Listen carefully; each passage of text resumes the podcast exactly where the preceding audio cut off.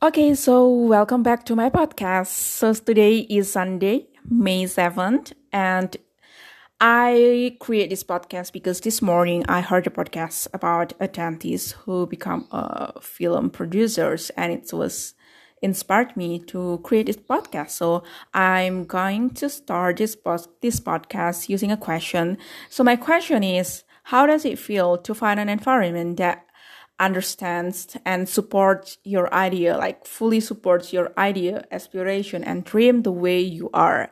So if you have this kind of experience, so please do tell me a story about that, and I will definitely listen to you um, with my 100% of interest.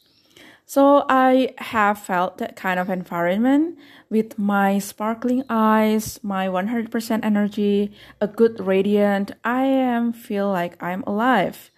Um, having 100% of energy to make my ideas become a reality and then the idea can be felt by people in my surrounding is so satisfying especially when we have a support system on that right but there is a time when I don't know um, whether it is, I would like to say it is unfortunately or fortunately. Um, the environment lasted only for a short period of time.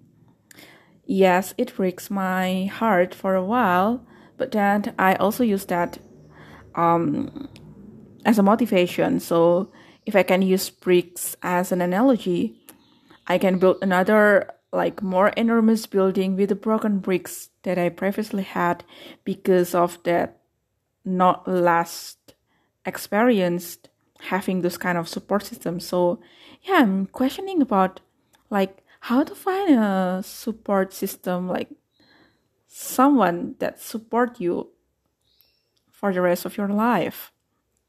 Yeah.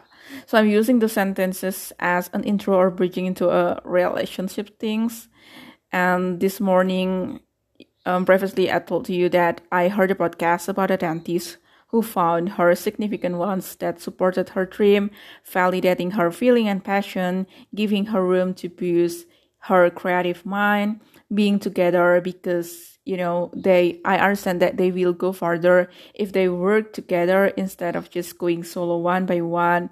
Um, you know, the husband of this dentist is a creative people also work in a fol- in a film making. So no wonder that the dentist also shift her career to be a film producer, right?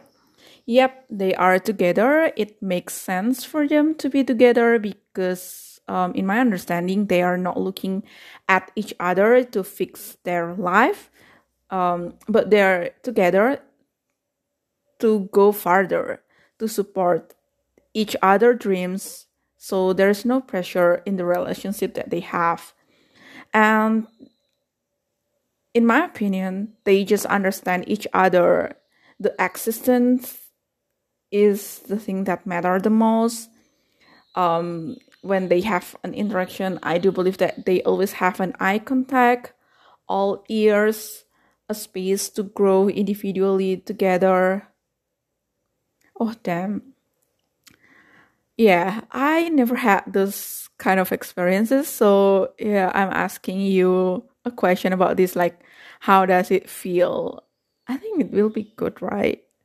Because somehow, somehow I feel like I'm tired, but okay, so I think it's time for me to sharpen my focus and feeling to clarify and feeling to clarify everything that is still unclear i think yeah. And uh, a lot of people say that i need to open myself to accept this feeling to yeah to accept this kind of feeling. Then i can just open myself to to accept this feeling. Okay that's all my podcast.